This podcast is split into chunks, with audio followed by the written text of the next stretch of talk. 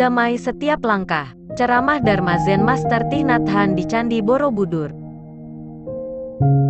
Selamat pagi para muliawan dan saudara-saudari dalam Dharma. Hari ini tanggal 7 Oktober tahun 2010 dan kita bersama-sama berada di sini, di Candi Borobudur, Indonesia. Tadi pagi kita sudah bersama-sama mempraktikkan meditasi jalan. Kemudian di puncak candi kita juga melakukan meditasi duduk bersama-sama dan setelah itu kita bersama-sama menyantap makanan dengan berkesadaran penuh. Sekarang, kita semua berkumpul di sini untuk mendengarkan ceramah Dharma dengan judul, Damai Setiap Langkah. Kita bisa mendeskripsikan bahwa hidup adalah sebuah perjalanan, jadi, sangat memungkinkan sekali setiap langkah kita dalam berjalan bisa menghasilkan langkah penuh sukacita. Walaupun kita tahu kadang-kadang perjalanan kita tidak selamanya mulus, tetapi dengan energi sadar penuh dan konsentrasi, kita tetap bisa mempertahankan sukacita dan kedamaian ketika sedang berjalan. Agar kita bisa belajar bagaimana mempertahankan kedamaian dan ketenangan, kita perlu melakukan satu langkah terlebih dahulu, belajar melangkah. Ketika kita melangkah, sesungguhnya kita hanya bisa melakukan satu langkah, namun begitu banyak di antara kita mencoba untuk melangkah banyak langkah atau lebih dari satu langkah.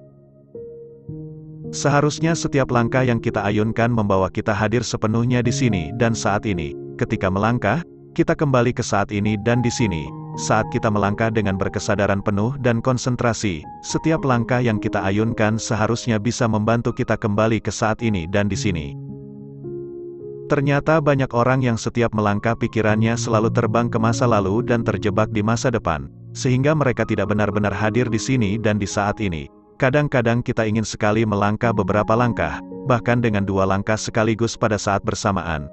Oleh karena itulah, kita perlu belajar cara melangkah dari Buddha, sehingga di setiap langkah bisa diayunkan dengan sukses.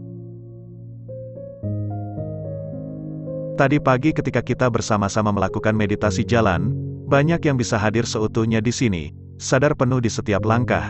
Kita tidak membiarkan pikiran untuk terbang ke masa lalu maupun terjebak di masa depan, kita telah berusaha untuk tidak menyesali masa lalu dan tidak memikirkan apa yang akan terjadi di masa depan. Rencana kita, kita mengizinkan diri sendiri untuk hadir seutuhnya di sini, dalam setiap langkah. Ketika saya berjalan dan bernapas, saya berusaha untuk tetap mempertahankan kedamaian dan ketenangan.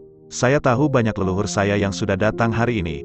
Leluhur yang telah menyebarkan ajaran tentang perdamaian, ketenangan, dan sukacita. Banyak kakak dan adik dalam Dharma juga melakukan hal serupa, mengizinkan energi dari para leluhur untuk bersatu dengan badan jasmani mereka ketika berjalan dan bernapas bersama-sama. Kita bernapas dan berjalan bersama-sama sebagai satu sangga atau satu komunitas. Kita menghasilkan energi kolektif yang sangat besar sekali. Oleh karena itu, energi yang telah dihasilkan, energi kolektif secara bersama-sama, telah bersatu merembes masuk ke dalam badan jasmani kita sehingga menghasilkan penyembuhan dan ketenangan. Banyak dari kita tahu bahwa kebahagiaan tidak mungkin bisa hadir tanpa adanya suatu ketenangan dalam diri. Kedamaian adalah kondisi tidak hadirnya gangguan dalam pikiran atau pada tubuh.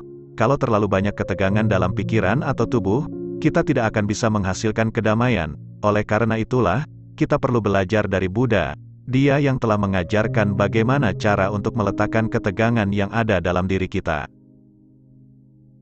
Berlatih meditasi adalah berjalan dengan berkesadaran penuh, duduk dengan berkesadaran penuh, bernapas dengan berkesadaran penuh. Semua ini akan membantu kita mengurangi ketegangan yang ada dalam diri kita.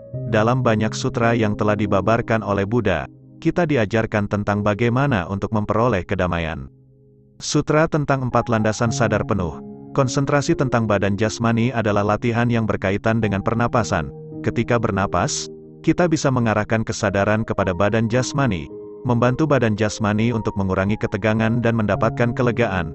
Bahkan kita boleh duduk dalam posisi bebas seperti ini, duduk dengan sedemikian rupa agar bisa mengurangi penderitaan ketegangan yang ada dalam diri. Saya sedang memberikan ceramah Dharma, tetapi saya tidak tegang, saya tidak tegang ketika memberikan ceramah Dharma, tubuh saya rileks dan pikiran saya juga tidak tegang, malahan banyak kebahagiaan dan sukacita. Saya bisa melakukan hal demikian karena saya telah belajar dari Buddha, belajar bagaimana berjalan, duduk, dan bernapas dengan berkesadaran penuh, sehingga saya bisa melakukannya. Jadi, para sahabat, apabila Anda melakukan hal yang sama, Barangkali Anda juga bisa mencapai hasil serupa dalam beberapa minggu saja. Kedamaian juga merupakan suatu kondisi ketika kemarahan dan ketakutan tidak hadir. Ketika energi kemarahan, energi ketakutan, energi putus asa muncul, maka itu semua akan mencegah kita untuk mendapatkan kedamaian dan kebahagiaan. Oleh karena itulah kita perlu mencari tahu cara untuk menjaga energi-energi tersebut. Apalagi ketika energi-energi tersebut muncul dalam diri kita, latihan yang disarankan oleh Buddha adalah latihan duduk dengan berkesadaran penuh, berjalan dengan berkesadaran penuh, bernapas dengan berkesadaran penuh, agar kita bisa memproduksi energi sadar penuh dan energi konsentrasi. Ketika Anda punya dua energi ini, energi sadar penuh dan energi konsentrasi, energi ini bisa Anda manfaatkan untuk mengenali dan memeluk perasaan yang tiba-tiba muncul. Sebagai contoh, Seorang ibu yang sibuk memasak di dapur dan tiba-tiba bayinya menangis. Sang ibu akan menghentikan semua pekerjaannya di dapur, kemudian pergi ke ruang bayi. Sang ibu akan mengangkat dan menggendong bayinya dengan penuh kelembutan. Walaupun sang ibu sebenarnya tidak tahu apa penyebab bayinya menangis, tetapi menggendong bayi dengan penuh kelembutan itu saja sudah bisa membuat bayi lebih lega dan tenang. Sosok ibu sebagai energi kelembutan atau energi cinta kasih, ketika sang ibu menggendong bayinya dengan penuh kelembutan dan ketenangan. Energi-energi tersebut seperti telah merembes masuk ke bayinya. Dengan cara demikian, walaupun sang ibu tidak tahu penyebab bayinya menangis, tetapi dengan cara menggendong dengan kelembutan, bayi itu sudah bisa merasa lebih lega dan penderitaannya semakin berkurang. Kemelekatan, kebencian, kemarahan, itu adalah bayi kita. Ketika bayi kita menangis, kita harus betul-betul hadir seutuhnya untuk merawatnya. Kalau Anda adalah seorang praktisi, maka Anda perlu bernapas, berjalan, dan duduk dengan berkesadaran penuh untuk membangkitkan energi sadar penuh dan membangkitkan energi konsentrasi, untuk betul-betul hadir seutuhnya, untuk merawat energi-energi negatif tadi. Jadi, energi sadar penuh dan energi konsentrasi yang kita bangkitkan dari latihan-latihan berjalan, duduk, dan bernapas itulah yang disebut sebagai ibu ibu yang menjaga bayi itu. Kehadiran ibu untuk membantu, bukan untuk membekap atau menghukum bayinya. Jadi, energi sadar penuh dan energi konsentrasi yang kita hasilkan bukanlah untuk berperang dengan perasaan-perasaan negatif, tetapi energi konsentrasi dan sadar penuh bertugas untuk membantu. Energi sadar penuh dan energi konsentrasi selayaknya perlu kita bangkitkan melalui latihan kita. Ketika kita bisa menghasilkan energi sadar penuh dan energi konsentrasi, maka dua energi ini akan punya kemampuan untuk mengenali energi negatif, sehingga energi tersebut bisa dipeluk. Mari kita bersama-sama menerapkan latihan yang disarankan atau dinasihatkan oleh Buddha. Bernapas masuk, aku merasa aku masih hidup, bernapas keluar aku tetap hidup dalam diriku dan di luar diriku. Ketika aku bernapas masuk dengan berkesadaran penuh, aku menyadari bahwa aku masih hidup dan kehidupan ada dalam diriku. Tahu saya masih hidup adalah suatu hal yang sangat ajaib sekali. Kehidupan adalah hal yang paling menakjubkan dalam diri ini. Ada orang yang sudah meninggal dunia, dia sudah tidak bisa bernapas masuk lagi. Tetapi kita semua duduk di sini dan bernapas masuk. Kita tahu kita masih hidup, hanya melalui bernapas masuk kita bisa bersentuhan dengan suatu keajaiban, yaitu keajaiban bahwa kita masih hidup. Itulah sebuah kenyataan. Ketika Anda bernapas masuk dengan berkesadaran penuh, itu bisa disebut suatu kegembiraan atau perayaan besar, bahwa kita masih hidup. Jadi, ketika bernapas masuk dengan berkesadaran penuh, kita sedang menghasilkan energi sadar penuh yang bisa membantu kita untuk mengenali bahwa kita masih hidup. Kesadaran ini memberitahu kita bahwa kehidupan itu sangatlah indah dan menakjubkan. Oleh karena itulah, memungkinkan sekali bagi Anda semua untuk bernapas keluar dengan penuh sukacita dan kegembiraan. Ketika Anda bernapas masuk dengan berkesadaran penuh, bernapas keluar dengan berkesadaran penuh, Anda tahu bahwa Anda masih hidup dan itulah yang disebut dengan perayaan besar. Jadi, dengan bernapas masuk kita menghadirkan penyadaran dan pencerahan pada saat itu juga, dan dengan bernapas keluar Anda bisa menghasilkan kebahagiaan dan sukacita pada saat itu juga. Untuk bernapas masuk barangkali Anda cuma butuh 3 atau 4 detik saja, sedangkan bernapas keluar barangkali Anda hanya butuh 5 atau 6 detik, dengan durasi waktu yang sesingkat itu Anda semua bisa membangkitkan sukacita. Latihan Dharma adalah suatu yang menyenangkan atau penuh keceriaan. Ketika sedang berlatih, Anda tidak perlu bergulat atau saling bertempur.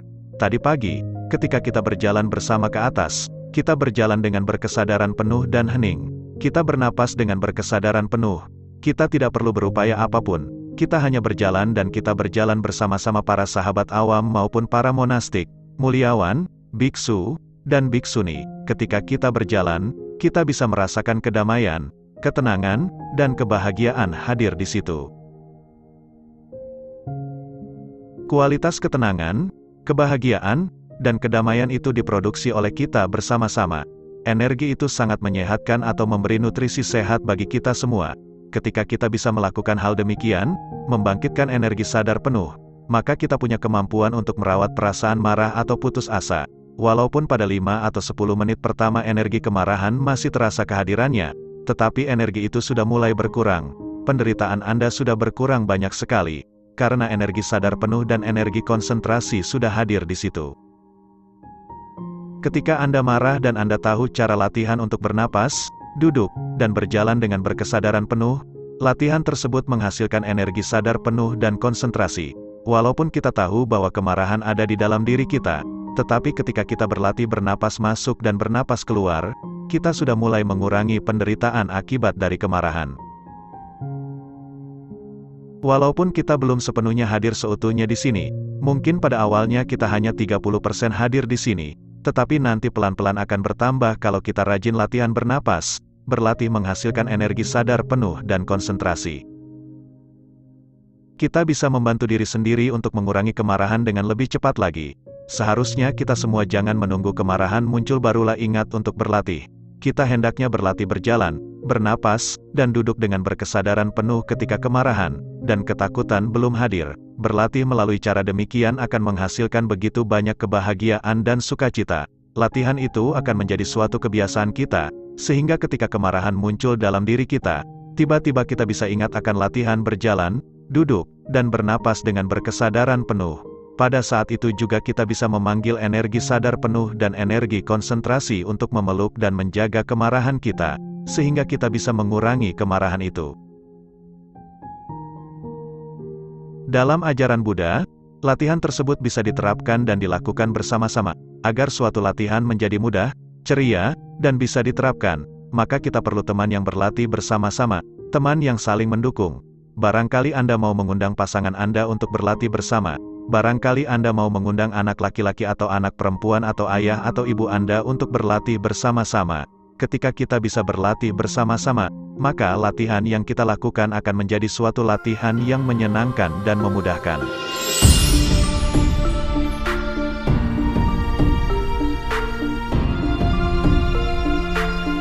Buddha menasihatkan para monastik bahwa mereka perlu berlatih bersama-sama untuk membentuk sangga atau komunitas yang disebut sangga monastik.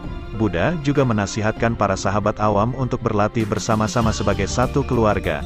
Beliau menasihatkan kita untuk berlatih bersama-sama, membentuk yang disebut sebagai komunitas berlatih atau sangga yang berlatih.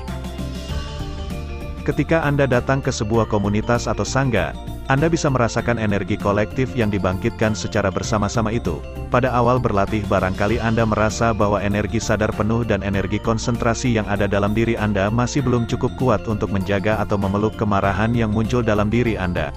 Ketika Anda punya sangga maka Anda bisa pergi ke sana untuk berlatih bersama-sama, meminjam energi sadar penuh dari sangga untuk memeluk kemarahan yang muncul dalam diri Anda.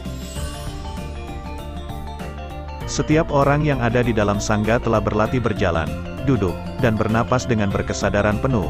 Anda boleh datang kepada sangga, kemudian Anda boleh bilang kepada sangga, saya punya banyak penderitaan, saya punya banyak kemarahan, mohon bantulah saya, wahai sangga, mohon bangkitkan energi sadar penuh dan konsentrasi, agar saya bisa memeluk kemarahan saya, bantulah saya.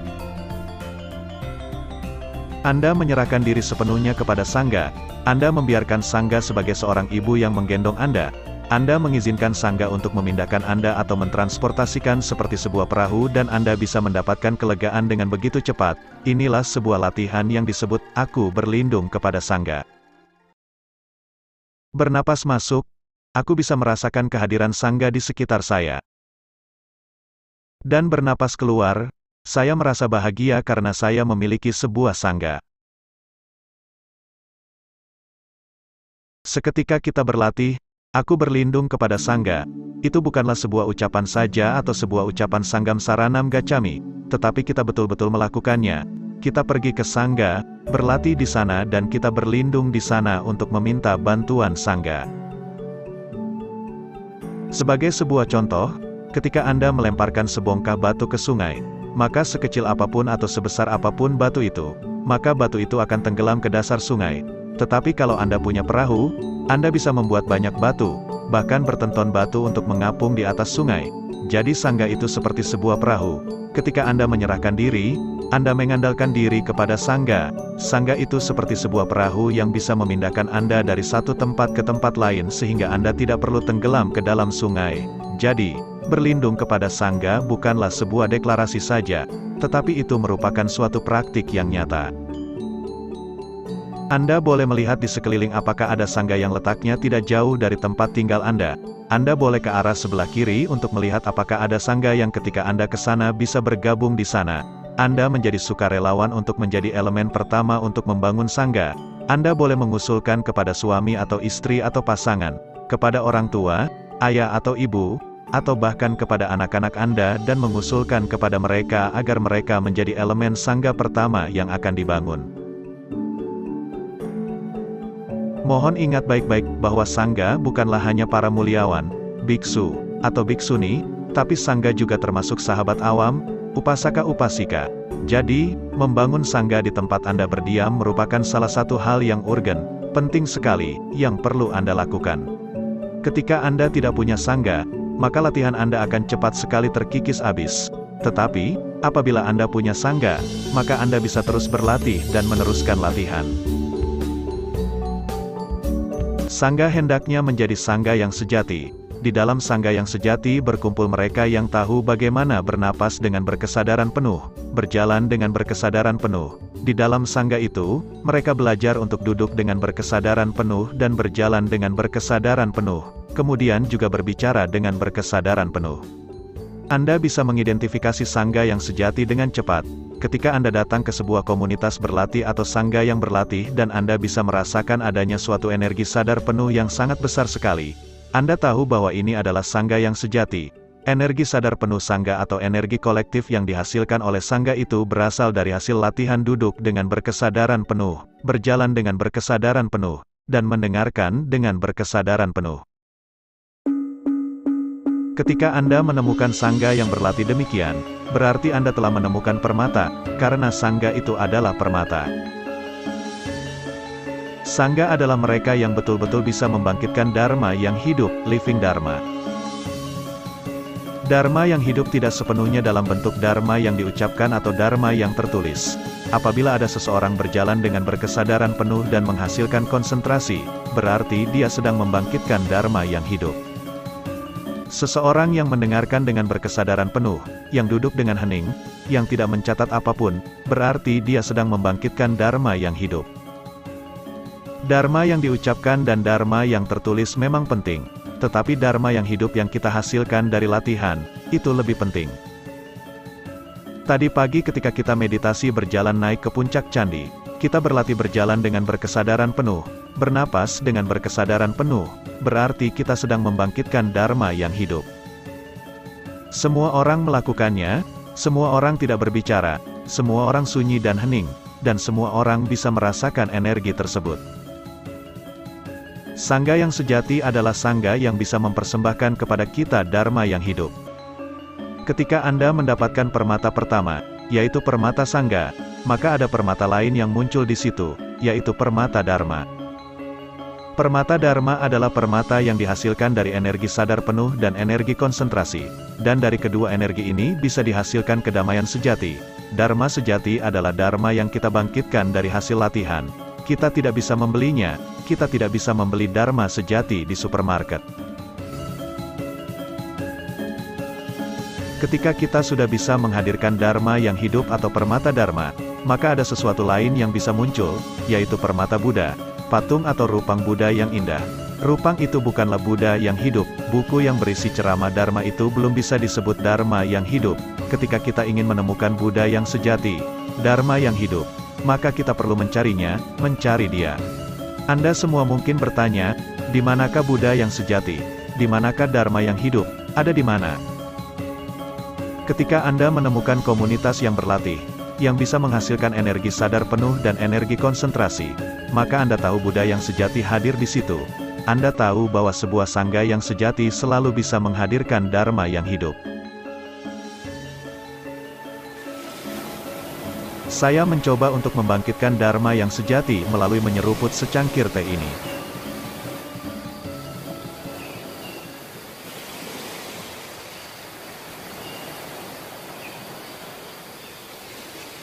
Di mana pun ada Dharma yang hidup hadir di situ, maka Buddha juga hadir di situ. Jadi kita bisa menyimpulkan, ketika di situ ada Dharma yang hidup, di situ kita bisa menemukan Buddha, dan semua ini bisa kita temukan di dalam Sangga yang sejati.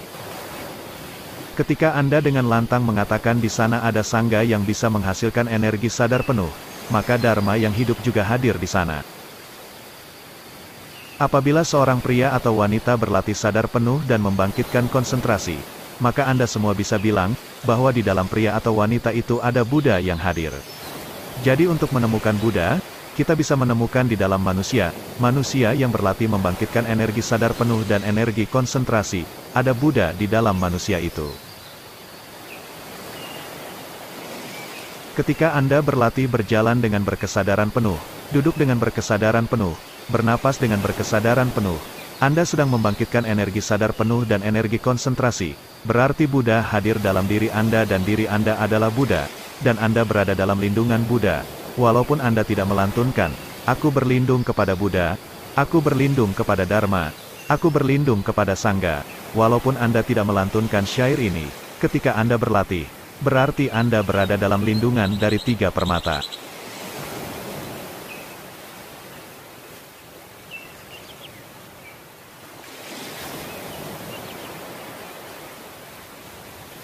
Setelah ini kami para biksu dan biksuni akan melakukan pindapata dan para biksu dan biksuni akan menerima apa pun yang dipersembahkan kepada mereka, apa yang telah diterima, kemudian akan dibagikan kepada masyarakat prasejahtera.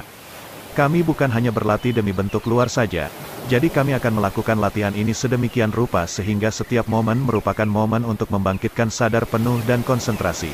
Ketika kami para monastik menerima persembahan, kami akan menjadikan setiap langkah dan setiap napas kami berkesadaran penuh, untuk membangkitkan energi sadar penuh, menjadikannya kesempatan untuk berlatih.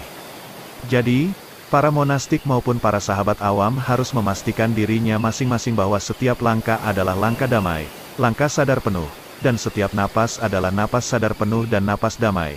Jadi kita bersama-sama membangkitkan Buddha yang hidup, living Buddha, Dharma yang hidup, living Dharma, dan Sangha yang hidup, living Sangha. Barangkali ada beberapa instruksi yang akan disampaikan bagaimana kita akan melakukan kegiatan pindapata ini. Para sahabat, Sangga, ini adalah momen bahagia, Sukacita yang hadir adalah sukacita yang hadir di dalam diri. Latihan Dharma telah kita lewati bersama-sama sebagai kakak dan adik. Kalau kita makan dengan sedemikian rupa seperti ini maka akan memberikan manfaat besar bagi tubuh dan pikiran kita. Kita tidak perlu berpikir apa pun. Kita hanya perlu mengingat ada sangga dan ada makanan di depan kita. Kita tahu ada sangga hadir di situ. Dharma yang hidup juga ada di situ. Dan Buddha yang hidup juga ada di situ. Ini adalah sumber kebahagiaan, keceriaan, dan sukacita kita. Buddha, Dharma, dan Sangha, bukan lagi gagasan abstrak, tetapi betul-betul hadir di antara kita.